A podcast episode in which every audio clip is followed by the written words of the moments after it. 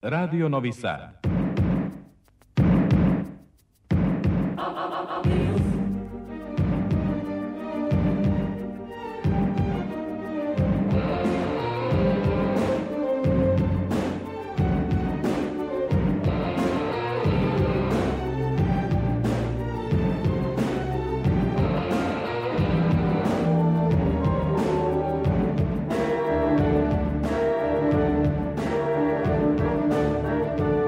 Spektar.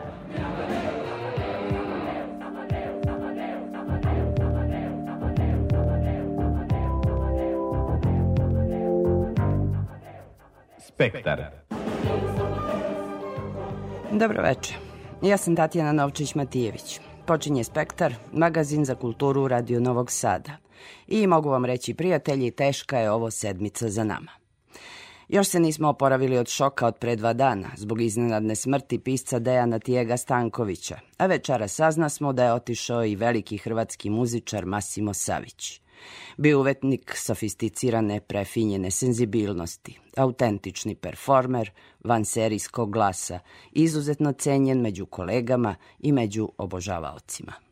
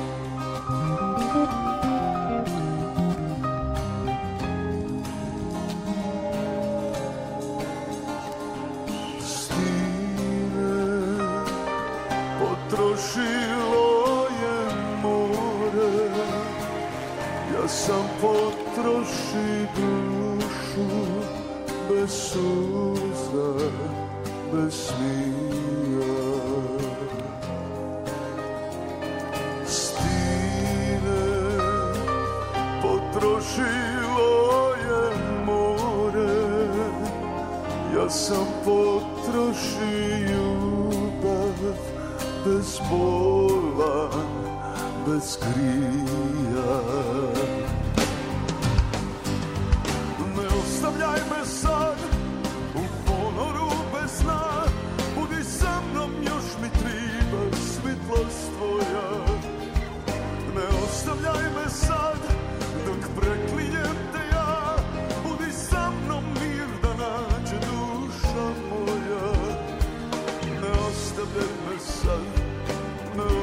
the sun.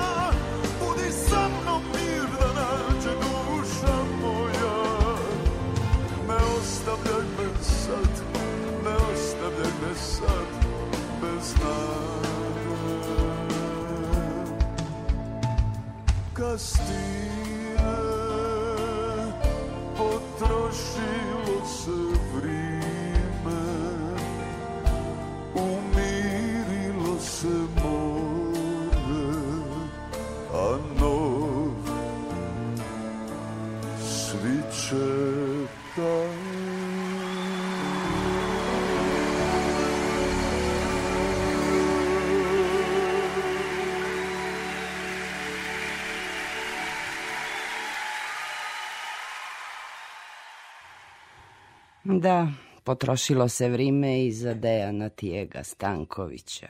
Pre dva dana iznenada je preminuo u Lisabonu, u svom fizičkom i literarnom domu.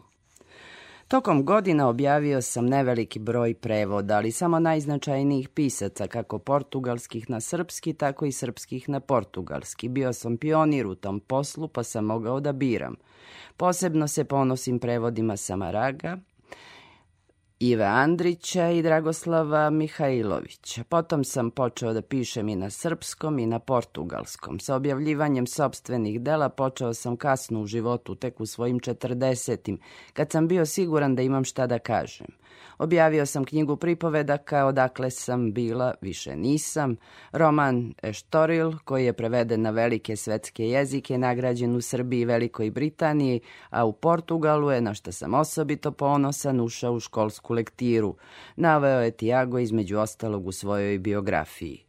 Zamalek, njegov drugi roman, plod je njegovih višemesečnih boravaka u Kairu, tokom četiri godine onoga što je tamo doživeo i priča koje je tamo čuo. Za taj roman dobio Evropsku nagradu pre dve godine. Ove godine Laguna mu je objavila prerađenu knjigu Odakle sam bila, više nisam, njegov roman o Lisabonu. Lucidni, pametni, šarmantni, zabavni Dejan Tijego Stanković za kratko vreme osvojio čitaoce i stekao popularnost kakvu imaju bestseller pisci.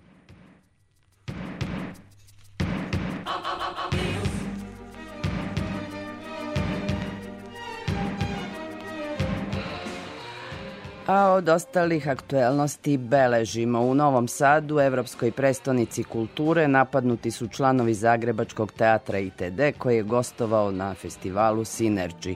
Uprave i ansambli novosadskih pozorišta kao i Savez dramskih umetnika Vojvodine izdali su saopštenje u kojem ističu da su zgroženi i ogorčeni napadom na kolege iz Zagrebačkog ITD teatra koji se dogodio u centru Novog Sada. Sramno i nedopustivo i za svaku osudu je svako nasilje, posebno nasilje motivisano etničkom ili u ovom slučaju jezičkom mržnjom. Posebno je poražavajuće da se takav čin dešava u gradu koji trenutno nosi titulu Evropske prestonice kulture.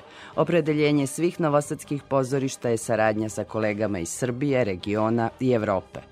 Želimo i ovim putem da naglasimo da je u sva novosadska pozorišta dobrodošao svako ko predstavlja teatar i kulturu, bez obzira iz kog grada ili zemlje dolazi. Novi Sad kao multinacionalna sredina ima obavezu da neguje različitosti i toleranciju, Posebno je to imperativ kulturnih delatnika našeg grada, stoga apelujemo na javnost, mediji i nadležne institucije da se u tom duhu i ponašaju, te da ni na koji način u buduće ne budu inspiratori ovakvih nemilih događaja, kako bi svi zajedno upravo u duhu tolerancije gradili sliku našeg lepog grada. U potpisu Aleksandar Stankov, upravnik Srpskog narodnog pozorišta, Milovan Filipović, direktor drame Srpskog narodnog pozorišta, Valentin Vencel, direktor Novosadskog pozorišta u Ivideki Sinhaz, Mihajlo Nestorović, direktor pozorišta mladih i Predrag Momčilović, predsednik Saveza dramskih umetnika Vojvodine.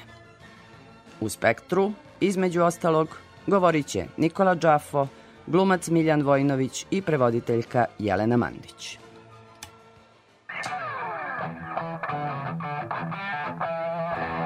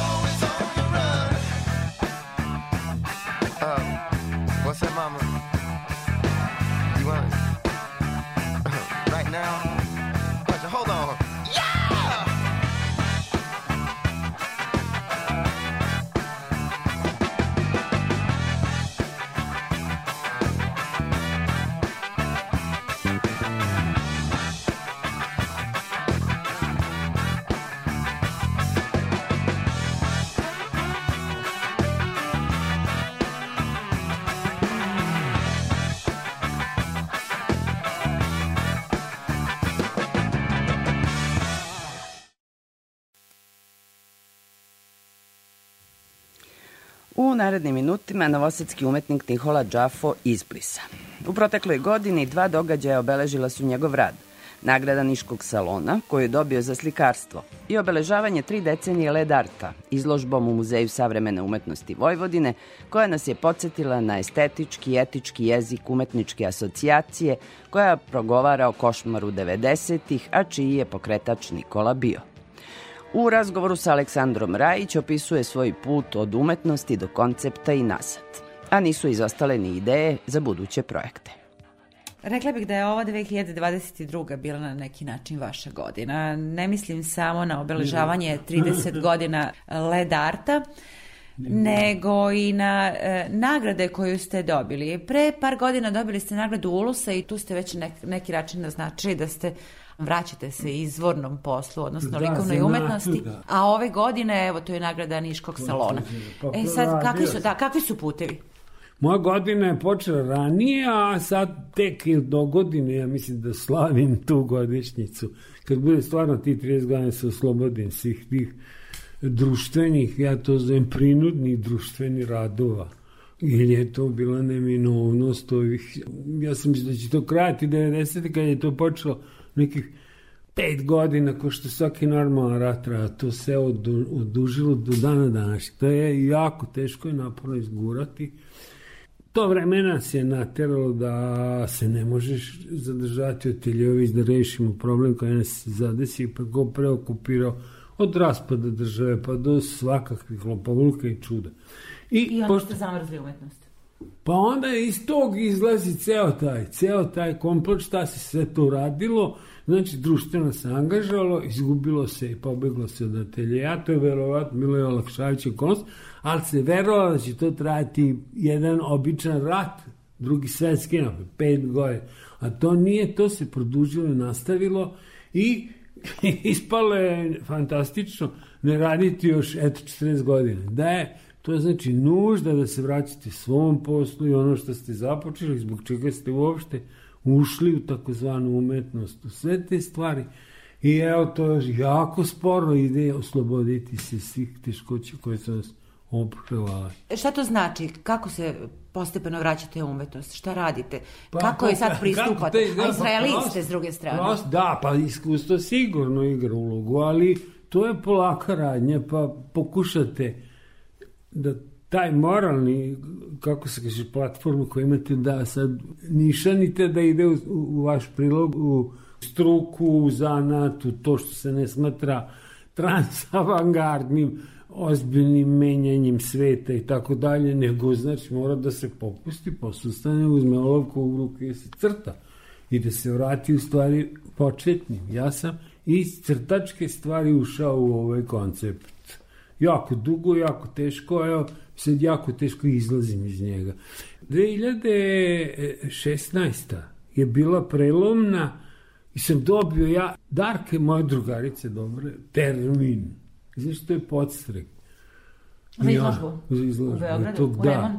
Ja sam počeo crtanje i onda sam ušao u crtačku priču i tu sa, samo se presečete i onda ima ta poslovica strašna za nas. Glupko slikar, nema više šta dalje, da se to crtaš šta znaš, šta umeš i to je. Dokle ste stigli? Evo, ako kažete da E, radite pet ta godina, Se, e, 17. pa remont, pa to je onda još jako dobro lepo mesto.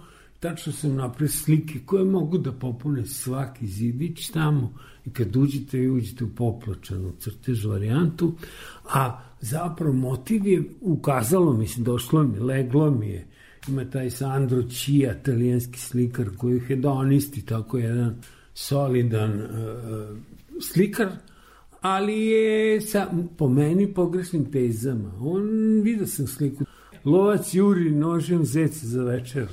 Jako fan zečem, mislim, to te dirne, malo je banal, malo je banalno, sad on na celoj slici, onoliko i velika slika, u gaćicama, kratkim gladan ide juri, po slici vija zeca. I nor, momentalno je bilo da se napravi meni zecu za večeru, meni zecu za večeru, tačno tamo u taj remont stane sedam velikih formata i onda je bilo sedam, pa neko utorak, sreda, četvrtak, petak, sve smo to nacrtali, namislili, to je bila pa baš povratnička izložba, baš. Nikola, ajde da se vratimo ovaj, u 2022. godinu Aha. i da ovaj, pomenuli ste koncept o, iz kog, u koje ste ulazili, iz koga sad ovih godina izlazite. Taj koncept je bio predmet velikog jubileja, 30 godina led arta, odnosno umetničkog aktivizma i grupa koje ste potom osnovali, e, rekapitulacija. Kako vam se čini, kako je obeležena ta godišnjica? Pa sad ne bi ja spominjao Evropsku zajednicu, ja nisam s tim zadovoljen, nisam ni direktno učestvio. Ali izložba koja je napravljena u Muzeju savremene, Muzeju savremene ja ga znam takozvani, ono si neki tamo ljute na to, meni jeste takozvani. A što izlažete u takozvanom? Zato što nema drugog prostora u Novom Sadu, jer to je... Očekivao sam zapravo, opet digresiju, da će posle ovog evropskog Novi Sad bar dobiti, ako ne muzej, iako ne tramvaj nazad, ali da će dobiti bal galeriju, da će imati te raščišćene stvari sad. No, ovo odgovorim na pitanje. To je jedna od žešćih izložbi koja se desila, što je, su ovi mlađi uradili. To su, znači, 30 godina zamenjene sa 30 projekata i to je Andreja Palašti e, inicirala, Željko Grulović podržao i sad njegov taj tim tamo, Ivana Purtidarija, Dragojlović, Nemanja Milenković, da ne bude sad e, i sad da ih ne bude Adrian, za Adrian, Adrian da im se ne zameram, ta ekipa je bila ono finale koje se 30 godina nije uspelo uspostaviti i napriti tim koji funkcioniše i koji bi menjao svet, što je bila ideja od art klinike pa šta znam. Oni su to toliko dobro radili da su, ne možeš reći su bili samo zadovoljni sobom, pa je to zato iz...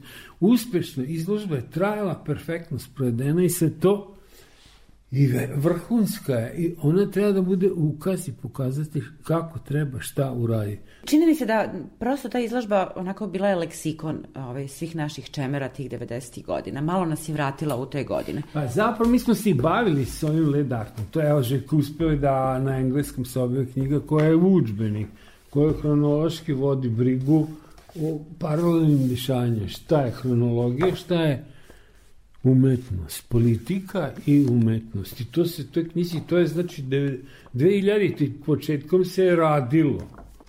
Bavili smo se, mi nikad nismo bili agresivni i ja mislim da se od 92. kad se ta prva izložba u našim režijama u Domu omladine bila koja je bila vezana za Vukovar, uvijek oslanjala na problem i na tekući problem koji se dešava. A onda smo samo pomenuli da se to desilo. Led jeste ružan, ladan i sve te, ali led je upozoravajuće sredstvo. On se otopi pa vas ostaje na miru, ali vas upozorava, dajte, opametite se. I sve naše akcije imaju taj pomiriteljski, uslovno dobio se i taj prefiks lokalni, novosadski, Što je problem što Novi Sad nikad to nije usvojio, nikad to nije primetio, nikad. Znači, publika je morala, a i, to, i tim smo se bavili, vaspitavati, prevaspitavati yes. publiku, nove prostore, gde se to šta dešava. Aktivizam maksimum se sprodio, e, i to je sve bilo u stvari na naše mišiće i zato to izgleda tako pompezno i izvrsno, cela ta koncept izložba koja se desila. A sad rekli ste za 2023. pravite triptihe, hoćemo li videti neku e, izložbu skoro? Ja sam ko zadnje, ono što je bilo ozbiljno s moje strane, raspisao konkurs za galerije. I na tom konkursu je pobedila ona Rajhova galerija u Subotici. Galerija savremene umetnosti. savremene umetnosti. Ja sam tamo izlagao i to je greota što se desilo baš u tom momentu kad je to bio ovaj, COVID, ono najveći zapaljenost. E, sad ja ne znam šta bi, kako bi, a da se osjećam kao slikar, slikar, sujetni, tupavi, da ne moram da molim, viš, da mislim, valjda će mi se desiti nešto što bi moglo da bude izlagačko i mesto i motiv i posle da svoje triptihe koje zamišljam izložim. A u stvari imam ja tu ideju koju smo mi sprodali počesto, počesto. To smo radili uvek za ono, kad su prestupne godine, šator, pa uz Majovino je bio rođendanske te prilike. Ja bi najviše voleo kad bi našao nekog mentora ili nekog ko je menadžer na tom nivou da iznajmo šatore. Sad ne znam koliko znate kakvi su sad šatori, kako to izgleda. I onda da se napita jedna turneja, ako ne dalje i Kao nema... što galerija nekada. Pa kao, ali to je ozbiljan prostor sad. To baš pogledajte na netu iznajmljivanje šatora za svadbe i za druge stvari. I za umetnike. E, nije, mi bi možda bili prvi, tražili bi sad, e, ali tu treba se vešt, menadžer, mlađi, realno, i da prozove te 3-4 firme koje postoje, da bude putujuća izložba koja ide po... Ako ne, Pa po Srbiji u krajnjoj liniji, u Srbiji, da, Srbija da, nije vidjela e, toliko. drugo, a to je meni, mene to podpaljivalo kad sam bio klinac. Ne znam da li to vi znate za ovaj Kečić, Kečića, koji ima izložbu po čatoru. I on je imao na, jednu izložbu na počatoru koju sam ja video u, na trgu umetnosti sadašnjem. Uđete, mali šljunak, beli onaj, kako se već zove, rizla ili šta je to, i uđete i njegove slike okačene i sasvim solidno se i osjećate i zagledam, on je imao na tim slikama, on na onom momentu on je tu negde nadrljao, lepio novčanice na pejzaži, nešto radio, ali je i ovo bilo velelepno. Nije normalno da idete i to jeste početak, znam da sam ja onda i mamu, na primjer, vodio, ja sam već bio klipana i onda vodim mamu, evo, da viš šta će moja biti zanimanje, što je njima nije bilo u glavi, baš do kraja. I to uvek vuče na tu stranu. Čerga i, i šivamo. Eto, to bi, to bi mi bila baš velika stvar kad bi to uspeo postigo. I sad, pričao sam ja sa ovima što su dobili na konkursu i s Nelom Tonković i se Sminom Viraković, da li bi one bile zainteresne. Ne moramo mi ja da konkurišem sad, jer nisam konkurisao u vašoj galeriji, ali da u, u parku ispred, tamo da se raširi šator i onda da nastavi, ne znam, da ide do Kanjiže, do ne znam gde, se spušta na Kikindu, Zrenjanin, dođe Novi Sad, Mitrovica. I. I da, i to je taj tur do Vojvodina. To bi bilo Hvala vam na razgovoru. She's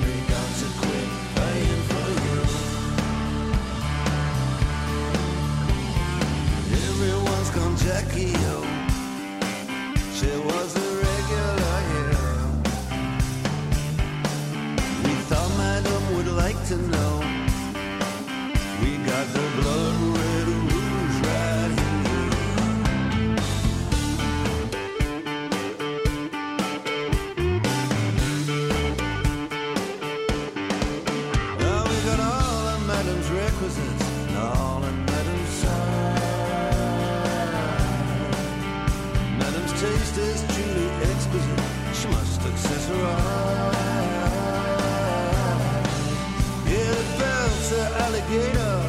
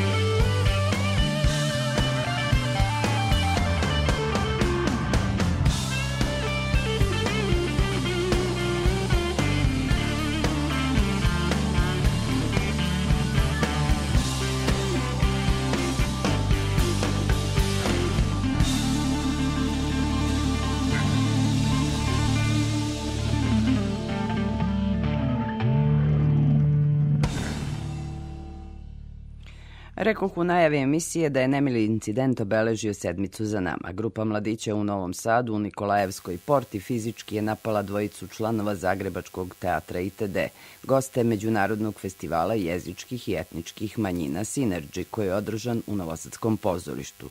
Rekoh i da su napad osudili predstavnici umetničke i javne scene. I sada se vraćamo na festival. Predstava Bura, koprodukcija udruženja Arterari i pomenutog teatra ITD, zatvorila je peto izdanje Sinerđija. Sa osnivačem Arterarija i autorom Bure, Romanom Nikolićem, razgovarala je Ivana Maletin-Ćorilić. Slika sirijskog dečaka Ajlana, čije beživotno telo je nađeno na obalama Bodruma, bila je negde okidač da se upustite u ovu priču i da napravite predstavu. Kako je izgledao taj proces istraživanja? Proces istraživanja izgleda tako da smo razgovarali sa ljudima koji su pokušavali prijeći e, u Hrvatsku, koji su odginuti iz Hrvatske, e, sa ljudima koji su bili u bliskom kontaktu, e, sa tražiteljima azila i izbjeglicama u samim kampovima. Ti medijski članci koji se nalaze u, naš, u našem medijskom prostoru su nas zapravo inspirirali da iz njih vučemo sadržaje koji su zapravo prikazani na sceni. Semih je zapravo duša ovog projekta Turčin koji je dobio politički azil u Hrvatskoj. Koliko vam je on pomogao u kreiranju ove predstave sa svojim iskustvom koje je proživeo? Pa ja sam se, e, kad sam počeo raditi predstavu, cijelo vrijeme sam gledao njega dok, dok bi nešto radili jer mi je bilo, ok, ako on odobri, onda je to to. Ja ne mogu raditi predstavu umjesto nekoga. Uvijek kad, kad režiram, pogotovo ove teme, onda uvijek volim imati kao dio ekipe osobu koja je stvarno proživjela tako nešto, koja se susrela s tim pogledima, koja se susrela sa, sa nekim neprihvaćanjem. Tako da Semih je zaista duša ovog projekta i Semih nam je konstantna opomena da moramo biti bolji ljudi. E, Šta vam je on sugerisao i na čemu je insistirao prilikom rada? Šta je njemu bilo važno da donesete kroz ovu predstavu? Pa e, nije inzistirao na ničemu, In- inzistirao je na toj iskrenosti zapravo, ali svi skupa smo inzistirali na iskrenosti, tako da tu ni- nismo dolazili u neki nesrazmjer što se tiče ideje. E, kažem, Semih je, Semih je tu, mi, njegova priča se ne ispriča u ovoj predstavi, on je tu kao pokazatelj e, e, da to može biti bilo tko. Jučer je bio on, danas mogu biti ja, sutra možete biti vi i zapravo koji je to način na koji percipiramo stvari koje su oko nas, kako percipiramo neko ko je pod navodnike drugačiji ili drugi, a pritom da ne budemo licemjerni, da neke izbjeglice prihvaćamo, neke izbjeglice su nam puno bliže, a neke izbjeglice koje dolaze sa Bliskog istoka ne prihvaćamo jer naprosto ne poznajemo ili nam nije bliska njihova kultura. Ja mislim da bi različite kulture nas obogatile zapravo i upoznavanje novih ljudi, pa to je valjda nešto što ono bi trebalo biti nekakav ljudski okidač da, da, da svi nekako živimo u nekakvom pozitivnom e, raspoloženju i veselju ljubavi, mislim na kraju. Opredelili ste se za svedenu scenografiju, minimalističku jednu postavku sa malo teksta. Jeste li želeli da dočarate u stvari tu fizičku bol koju migranti proživljavaju na tom putu do boljeg sutra? Pa pokušali smo napraviti e, što bi možda Ajlan rekao da je odrasto svim tim ljudima. To je završni monolog e, e, Frana koji igra Ajlana. E, Da, scenografija je minimalna jer smo pokušali nekako emociju koju o- ovi glumci mogu, kao ja to nazvam protočni bojler, provući kroz sebe. I zapravo ta, ta, ta plaža, a zapravo taj dječji pješčanik e, e, ima nekakvu dublju poruku toga e, ko smo mi i koja je naša pozicija zapravo u društvu. Festival Synergy okuplja profesionalne pozorišne trupe koje se na jezicima manjinskih zajednica u zemljama u kojima žive izražavaju na autentičan način. Koliko se ciljevi Synergy poklapaju sa vašom organizacijom? Ovo nam je treći put da smo na Sinerđiju. Nekako nas uvijek tema poklopi s onim što jesu manjine, što je uvijek borba za, za, za prava e, manjina. I nekako mislim da bi više to trebali pitati možda e, selektora i direktora festivala, ali pitanje drugog, drugačijeg je zaista nešto s čim se Synergy e, bavi ovaj festival i nekako smatram da se uklapamo u temu. Tema ovogodišnjeg festivala je položaj žena u savremenom društvu i Evo imate i, i, i majku dvoje djece na sceni koja je samo, kad, kad smo radili predstavu, samo pomišljanje toga da si ti sa e, svoje dvoje djece i da u jednom trenutku oni padnu s nekog umenjaka, tih 20 sekundi dok je možda ona bila živa, što je toj ženi i koja je to muka prolazila kroz, kroz to tijelo. Da, direktor festivala Valentin Vencel je rekao da je društvo onoliko demokratično i slobodno koliko je slobodna žena u njemu. Kakav je vaš stav po tom pitanju? Pa ja sam radio predstave e, e, na tu temu. Radio sam i posljedice, bavio sam se pitanjem zlostavljanih žena u, u obitelji. E, ja mislim da smo mi jedno jako zatvoreno i suludo društvo ponekad. E, da i dalje patrijarhat ono što, što na ovim neko balkanskim zemljama drži glavnu riječ, ajmo to tako reći, to je mi se pokušavamo kroz našu organizaciju, kroz teme e, maknuti od toga jer zaista nema smisla i zaista ne možemo živjeti. Ne znam kako se tad živjelo, ali stvarno je suludo da, da danas još pojedinci misle da su bolji, snažniji od onog drugog ili druge. I šta je vas e, kao glumca navelo da zaplovite u taj svet režije i da se dublje bavite i promišljanjem sadašnjeg trenutka i da budete iza scene? Zanimalo su me teme koje nisu bile dovoljno zastupljene u hrvatskom kazalištu i teme o kojima sam ja mislio da se treba progovarati i nekako sam se sa prvom predstavom, to je bila Pogledaj me s pripadnicima romske nacionalne manjine, sam se upustio u nešto jer nisam htio dat, e, da netko drugi mora preuzeti odgovornost za ako to baš ne uspije. I eto, nakon te predstave nekako mogu reći da sam ja dobio poticaj i od publike i od kolega i od nekih mojih bliskih suradnika da idem dalje s tim, da istražujem, e, mijenjam sebe, naučim ja nešto novo, naučim ja neke stvari, jer svi smo mi puni predrasuda i svi smo mi bili nekad diskriminirani, svi smo mi nekoga nekad diskriminirali. Tako da, e, naučiti biti bolji čovjek, možda pokušati, možda se jednom i dogodi, pa uspijem. Bliži se kraj godine, vreme kad obično pravimo rezime. Šta je vama obeležilo ovu godinu na pozorišnom planu? Bura, svakako. Nakon toga e, smo radili predstavu e, na dvoca na postoje neki svjetovi. E, prema motivima Medeje, tako da to su dvije predstave nekako od strane Arterarija koje su, evo ja mogu reći uspješno izašle iz naše produkcije i koje se vrlo rado gledaju i igraju. Hvala najljepše na razgovoru i očekujemo sa nekom od narednih festivala. E, hvala puno.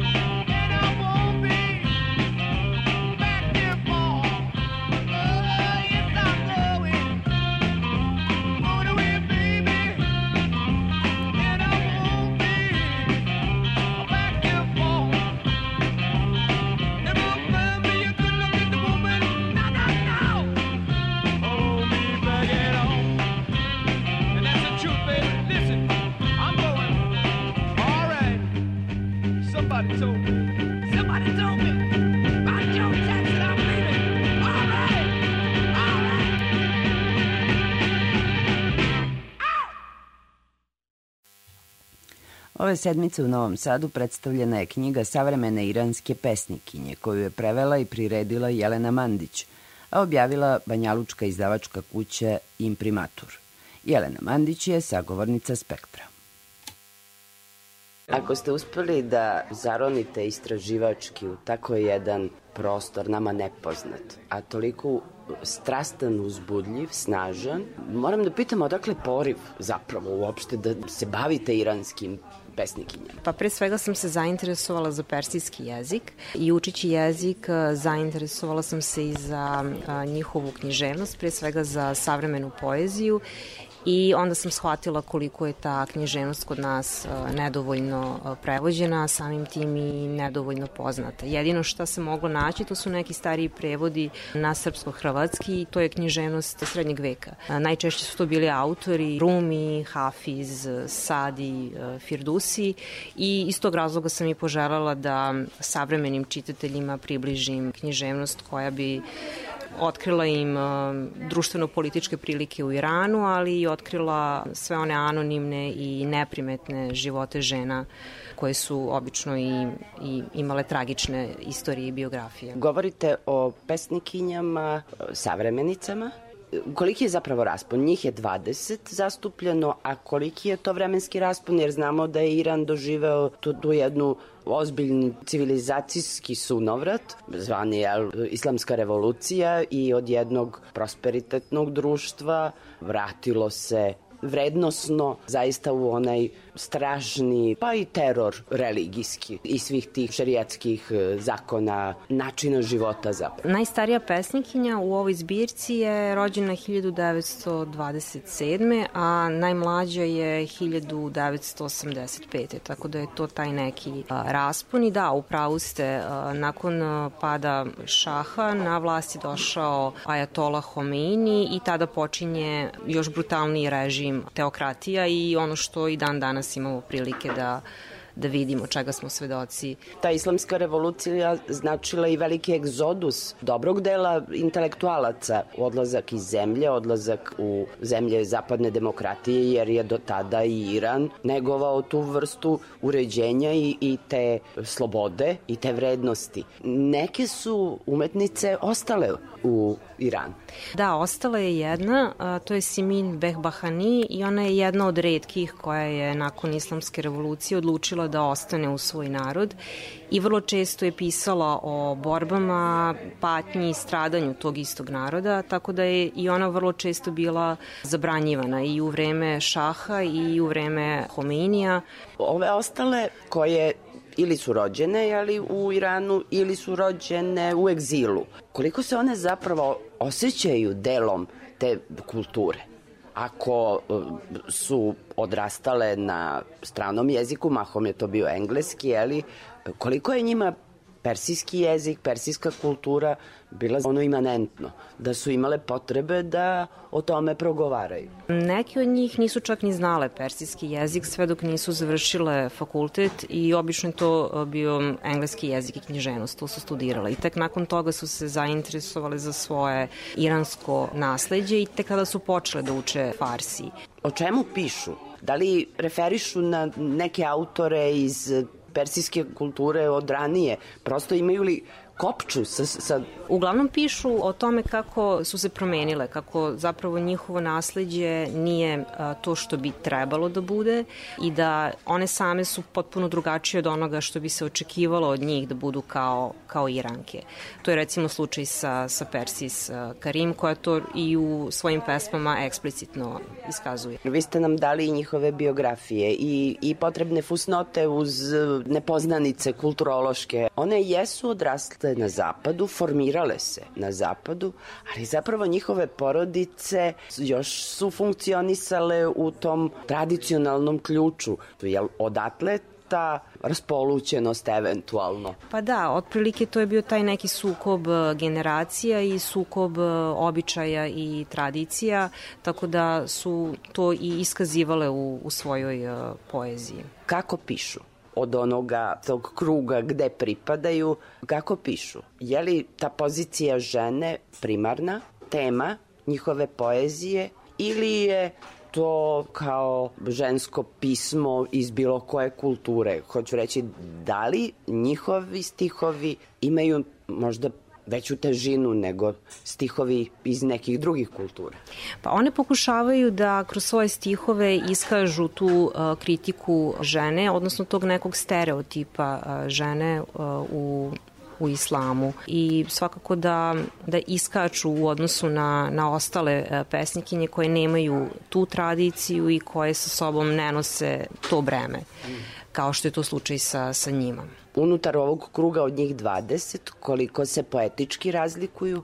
Pa to su različite, da, njih je 20, različite su uh, poetike i biografije, ali svodi se sve na to da o sebi govore kao o ženi, izražavaju svoju uh, seksualnost, svoje potrebe, svoje žudnje i to je ono što, što ih ujedinjuje u, u ovu jednu uh, zbirku i naravno negiraju svaku vrstu autoriteta, što je za mene kao prevoditeljku bilo važno.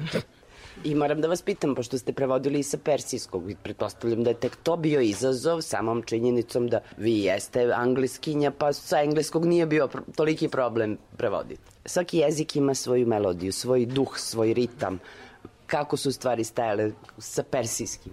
Sa persijskim, pa išlo je, išlo je teže, odnosno sporije i sam persijski mi je bio zahtevniji u odnosu na, na engleski, ali kao što sam već rekla bio je i melodičniji i kada bi me neko pitao koji je to jezik poezije, rekla bih da je to definitivno farsi. Da, čak i kada govorite o nekim najbanalnijim stvarima, meni bar to zvuči kao da mi neko recituje a, poeziju. Hoćete da, da kažete da ne bi bilo loše ko ima snage da krene, da zaplovi u taj jezik? Da, da, definitivno. Sam jezik kao jezik nije, nije težak. Učila sam i, i arapski, čisto da bih mogla da uporedim sa persijskim i arapski je bio mnogo, mnogo teži. Još uvek sam početnik u, u svemu tome, tako da persijski je nekako baš bio jednostavan i lako mi je sve to išlo. I sad isto moram da vas pitam, s obzirom na činjenicu da je pozicija pesnikinja u e, Iranu takva kakva jeste, gde ste pronalazili njihove pesme, pogotovo ove koje ste sa persijskog prevodili. Kako je uopšte išlo to traganje? Pa nalazila sam ih u nekim bibliotekama, a, to, su, to je u stvari biblioteka univerziteta u Luvenu, a, tako da sam odatle a, dobijala materijal na persijskom, a na engleskom mogla sam lako da nađem na, na, na netu. Nakon ovog sad istraživanja i ispoznavanja te egzistencijalno teške priče, umetnički sigurno vrlo intrigantne. Imate li više saznanja o tome kako uopšte funkcioniše, može li uopšte da funkcioniše ženska literatura u Iranu? vrlo teško, bar na osnovu svega onoga što, što sam do sada čitala i um, čula. Uh, još uvek su većina tih pesnikinja zabranjene, ukoliko nisu zabranjene, uh, onda su cenzurisane. Pitam vas zbog toga jer mi svedočimo sad već više mesečnim protestima, nažalost brutalnim ubistvima, evo stiglo je do toga da se hapse i vrlo poznate ličnosti, svetski poznat, i glumica i ovaj futbaler. Atmosfera je tamo izuzetno teška. Mi znamo da u užasnim okolnostima nastaje neverovatna umetnost. Uverili smo se kada je reč o kinematografiji. Ovo je samo delić onoga što imali šanse da malo bolje spoznamo e, tu iransku umetnost, književnost. Pa nadam se da, da ima, odnosno ja imam u planu uh, još jednu antologiju, to će biti savremena kratka priča, pa nadam se da ću uspeti da kroz priču približim našim uh, čitateljima iransku književnost. Vama hvala na ovom poduhvatu. Neverovatno je, ja kad sam videla da li je moguće da mi zaista ništa, bezmalo ništa ne znamo o ženskoj poeziji, iranskoj. Evo sada smo dobili jednu dragocenu knjigu i vama hvala na potrebi da, da nam poklonite ovu knjigu. Hvala i vama.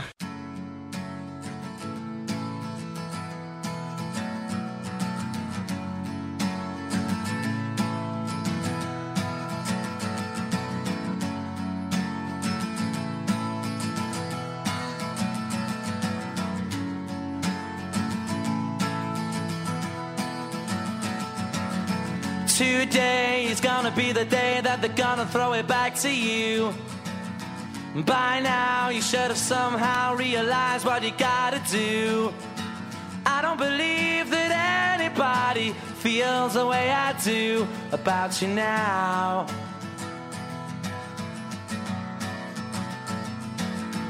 Backbeat, the word is on the street that the fire in your heart is out. I'm sure you've heard it all before, but you never really had I don't believe that anybody feels the way I do about you now.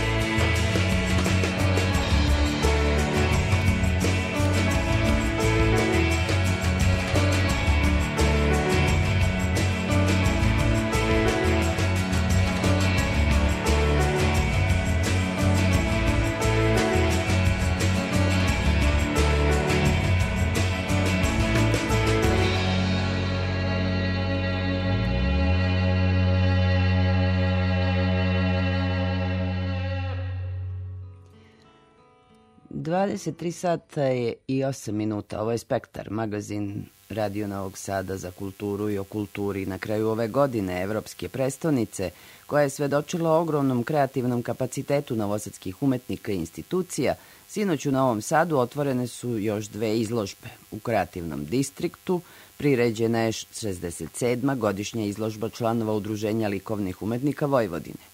Velika, u dva galerijska prostora, predstavlja radove 63 umetnika koje je odabrao Umetnički savet udruženja. Reflektuje svu raznovrsnost scene, različite ideje, strategije, teme, forme i tehnike, kao i različite generacije umetnika koji stvaraju u Vojvodini. Ukazuje pre svega na spremnost umetnika na komunikaciju, interakciju i međusobnu saradnju, rekla je likovna kritičarka Svetlana Mladenov. Mi znamo da živimo u teškom vremenu u smislu kontekst u kom umetnici stvaraju je turbulentan, naravno sa puno egzistencijalnih drugih problema, političkih i tako dalje. Međutim, e, nikad nije bilo slobodnije za sam rad umetnika. Odnosno, umetnik može da se kreće slobodno u tom polju umetnosti i sve mu je tu dozvoljeno. E, može da bira e, šta, e, koji će materijal da koristi, može da bira kojom će tehnikom da se bavi, može da bira kako će da kombinuje tehnike i tako dalje, razne materijale. Znači, to sve zavisi od samog umetnika, sve je dozvoljeno. Takođe u tom polju paralelno postoje i klasični mediji kao i novi mediji i inače ja bih sad to rekla već jedna postmedijska produkcija koja sada postoji, oni se čak nekad i kombinuju zajedno. Razne mogućnosti. Stvarno, to otvara jedno jako široko polje za brojna istraživanja i čini u stvari da scena bude i dinamična, interesantna i bogata. Naravno, takva scena nije laka za razmatranje. Uvek je teško, pošto postoji istovremeno razne različite poetike, razni diskursi, različiti koncepti i treba razlučiti šta i kako, zato su potrebne i ovakve izložbe. Ja mislim da je ponovo vreme došlo, e, imali smo jednu pauzu da ošte nemamo puno grupnih izložbi, ono kako smo ranije imali razne manifestacije, to je sad malo utiknulo i sad ponovo vidim da se to budi, da se ponovo i revijalne izložbe počinju vraćati, naravno i one koncepcijske grupne izložbe i to je jako važno zato što ne možete sagledati scenu tako što ćete obići sve samostalne izložbe, niko to ne može, ali kad se naprave ovakve izložbe, uvek možete da imate jedan presek, jedan dobar pogled i zato mislim da je ponovo vreme došlo ovakvih velikih i ovakvih izložbi. Zrenjaninski slikar Rudolf Brkić najstariji je učesnik godišnje izložbe. Potrebno je da se malo vidi kontinuitet jedan, da se nastavlja između mladi i stari slikara i tako dalje. Ovde na ovoj izložbi uglavnom su sve nove neke generacije, mlade generacije, tako da stari više nema, umrli su svi. Kad bi sad se usporedilo sa nekim izložbama pred 30-50 godina, ista, isto je, sve isto, nema ništa, ništa novo. To što se sad izlagalo, izlagalo se pred 30-40 godina. I izložba Zvuk boje otvorena je u nekadašnjoj kineskoj četvrti. Nastala je kao odgovor na gradski konkurs za pristupačno umetničko delo, namenjena je svima, ali u prvom redu onima koji nisu u mogućnosti da vide. Boja je transponovana u zvuk, kaže Lidija Krnjajić, članica grafičke zadruge koja je realizovala izložbu. Ideja je da je ova čitava izložba namenjena između ostalog i osobama slabovidim i slepim. I u suštini e, ideja uopšte čitavog tog projekta je da umetničko delo bude pristupačnije. To jest kako bi ljudi sa nekim nedostacima mogli da konzumiraju umetnička dela isto kao što i ostali konzumiraju. I zbog toga je ova izložba nazvana Zvuk boje, jer je naša zamisao bila da određene boje, svaka boja ima svoju frekvenciju, to jest svoj ton, zvuk, i zbog toga smo mi napravili te taktilne grafike. Svaka grafika u suštini kada se dotakne boja koja je odštampana na grafici emituje i ton, tako da e, osobe koje imaju e, neke nedostatke u smislu vida, slabovidi, slepi mogu da osete i da čuju tu boju.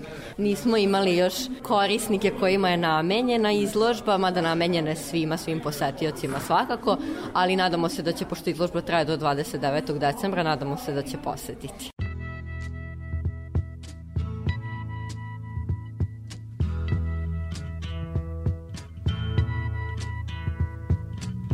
There's something happening here.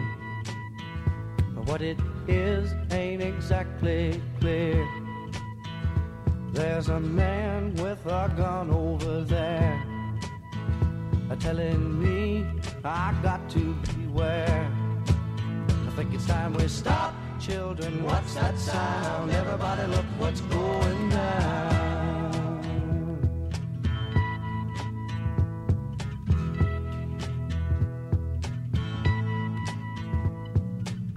There's battle lines being. Nobody's right if everybody's wrong. Young people speaking their minds are getting so much resistance from behind. Time we stop. Hey, what's that sound? Everybody, look what's going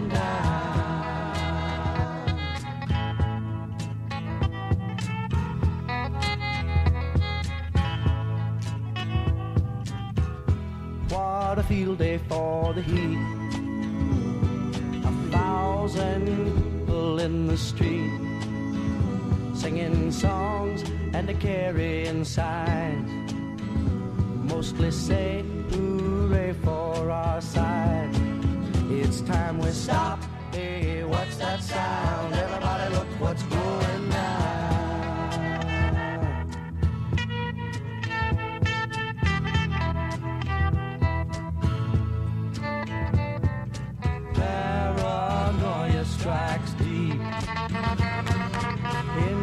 your life it will creep.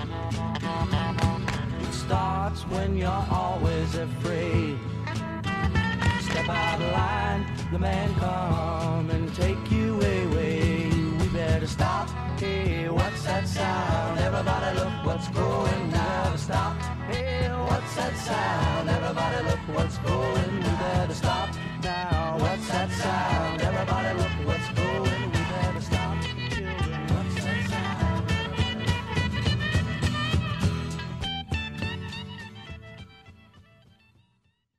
It's just a dream.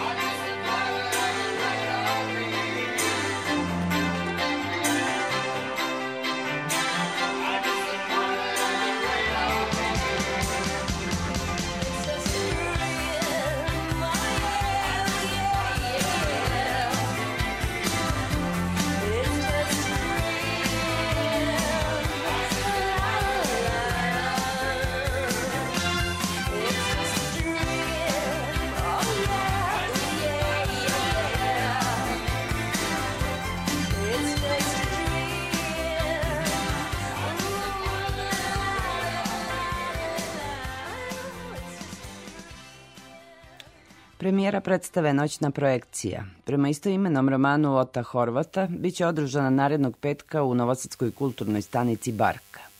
Režiju potpisuje profesor glume na Novosadskoj akademiji umetnosti i dramski umetnik Miljan Vojnović, koji je radio i dramatizaciju teksta sa autorom romana. Vojnović je osnivač udruženja Art Ritam. Ove godine organizovalo je niz radionica za mlade na temu Moja scena, moja moć – O tome je sa njim razgovarala Ivana Maletin-Ćorević. Udruženje Art Ritam povezalo je i ove godine umetnike i školske ustanove sa područja Novog Sada kroz edukativne radionice podeljene u četiri tematske celine. Koje teme su sve bile zastupljene?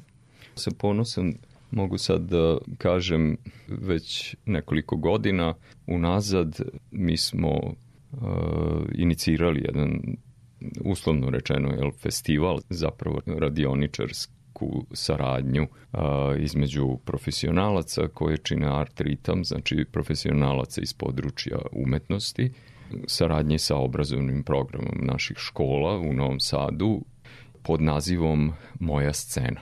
E sad, taj festival e, svake godine dobija novu temu, razmatramo različite aspekte, ali zapravo je e, osnovni cilj da se deca, polaznici u školskim sekcijama, e, uz pomoć njihovih pedagoga, pod našim vodstvom, jel, ovaj, u, u, što više upoznaju sa osnovama scene, scenskog stvaralaštva, kad kažem scenskog stvaralaštva, mislim na fuziju svih umetnosti, znači tu su uključena i deca i iz muzičke škole, radimo na muzičkoj sceni i e, iz likovne sekcije osnovnih škola, zatim normalno dramske sekcije, čak i li, literarne su se ove godine uključili i ove godine je tema bila moja scena, moja moć. Zapravo šta smo tu razmatrali, šta smo inicirali ovom temom, to je da podstaknemo decu da e,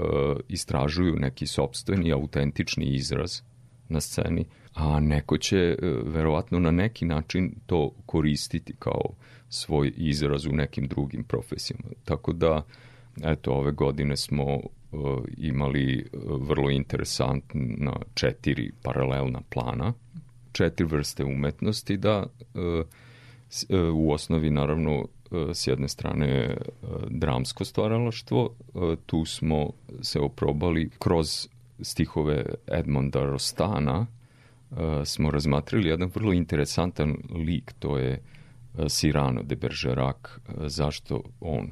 To je samo inicijalno bilo da bi taj čovek izrazio zapravo svoju intelektualnu i svoju apsolutno ljudsku moć u tom smislu da jednostavno e, drži do svog dostojanstva i ne dozvoljava da e, ga društvo na neki način zbog nekih e, tako mislim fizičkih razlika ovaj obeležava.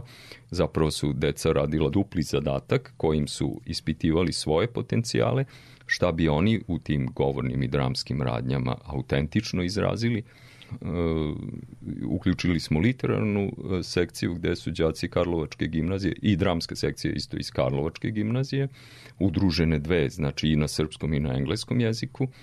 Literarna uh, sekcija je pisala na temu Moja scena, moja moć. Zapravo smo želeli da iniciramo neku vrstu njihove probe, ono, da se puste u područje možda dramaturgije, mm. kako bi sami kreirali na osnovu te teme neke svoje e, stavove u formi određene drame, tako da su e, vrlo interesantne stvari izrasli iz toga. Idemo dalje, znači likovnjaci su nam pomogli iz osnovne škole Dušan Radović, već treću godinu s nama sarađuju izvanredno. Oni su nam poklonili maske pozorišne maske na tu temu koje su stvarno impresivne bile. Četvrta, tematska je celina je bila posvećena. celina, uvek bi, se posvećujemo i muzičkoj sceni. Ove godine je to bilo u formi predavanja i radionice koje je vodila naša saradnica Agota Kučera Vitkaj na temu mjuzikla i vokalne tehnike glumaca, tako da je izuzetno zanimljiva radionica bila. Dužan sam da kažem da su ovi divni naši saradnici iz ovih škola e, u Karlovačkoj na dramskoj sceni Nebojša Pajević i Milan Đurišić, pa e, zatim Sandra Urban sa literarcima, to su sve profesori Karlovačke, pa Slobodanka Perković, profesorica likovnog iz Dušan Radović. pa e, e, Tanja Vukmanović nam je pomogla u muzičkoj školi. Tako da e, širi se nekako krug i zapravo te inicijalne ideje art ritma nekako dobijamo podršku, feedback i sa druge strane i zapravo uzajamno je sad to, ta potreba da proširujemo tu vrstu e, saradnje. Projekat je podržan evo već treće godine i mi smo tome zahvalni od Uprave za kulturu grada Novog Sada ove godine za 2022. godinu. U godini titule Evropske predstavnice kulture posvetili ste pozorišnu predstavu našem gradu. Reč je o iscenaciji romana Noćna projekcija Ota Horvata sa kojim ste radili dramatizaciju, a vi ste glavni protagonista. Je li ta ideja dugo u vama sazrevala? Ovu, ovu priču bih samo ukratko, neću puno vremena uzimati, počeo od toga da je moja nek, m, specijalizacija i neko osnovno opredeljenje metodološko u radu na sceni i pošto i predajem na Akademiji umetnosti u Novom Sadu glumcima, osnovno opredeljenje je i ta e, usmerenje mi je psihodrama. Radim zajedno u paru sa, e, vodimo grupe, e, profesor i reditelj Boris Liješević, i ja. E sad Boris je takođe važan da se pomene i za prethodni projekat jer je njegovo predavanje bilo u scenskom stvaralaštvu, u okviru scenskog stvaralaštva za moju scenu, moju moć, e, takođe značajno pored ovog pomenutog Agotinog.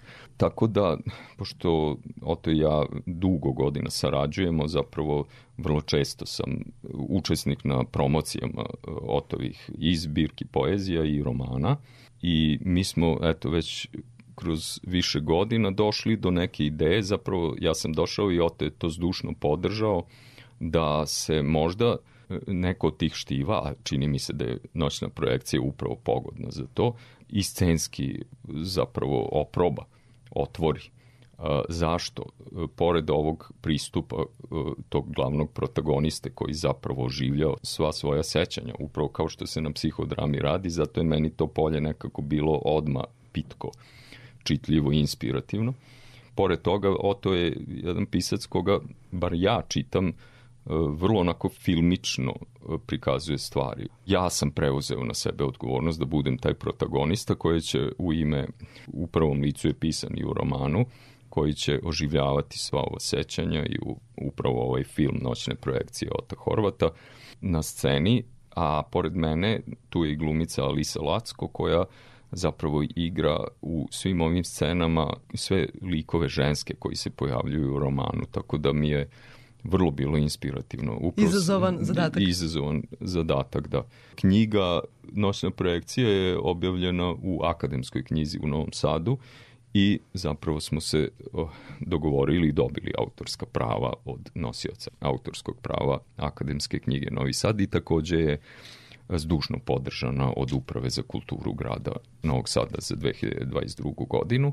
Ono što je važno sad koliko možemo približiti prostor za prvo izvađenje će biti, e, pošto je premijerno, smo mi e, okupili studente na akademiji i izveli to, a sada zapravo u prvi neki e, prostor gde postavljamo je kulturna stanica Barka na Klisi, izvanredan prostor i mislim da je to jako lepa saradnja da se e, prosto oživljavaju i ti prostori, a nekako ova priča pripada zapravo gde god da je postavimo u gradu u kulturnoj stanici, ona, ona je tu kao domaćin, sasvim sigurno, otova priča.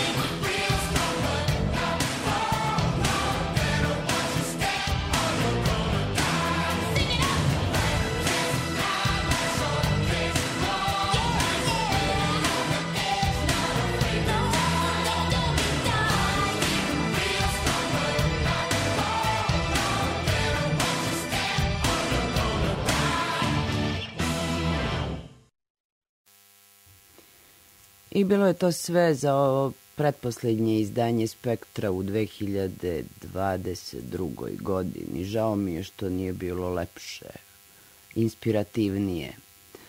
U svakom slučaju, sledeće petka sumiramo sve ono što bi valjalo zapamtiti kao važno za godinu koju, kojoj govorimo doviđenja, zbogom. Ostali smo bez nekih ljudi koji su nam podarili veliku, dobru umetnost.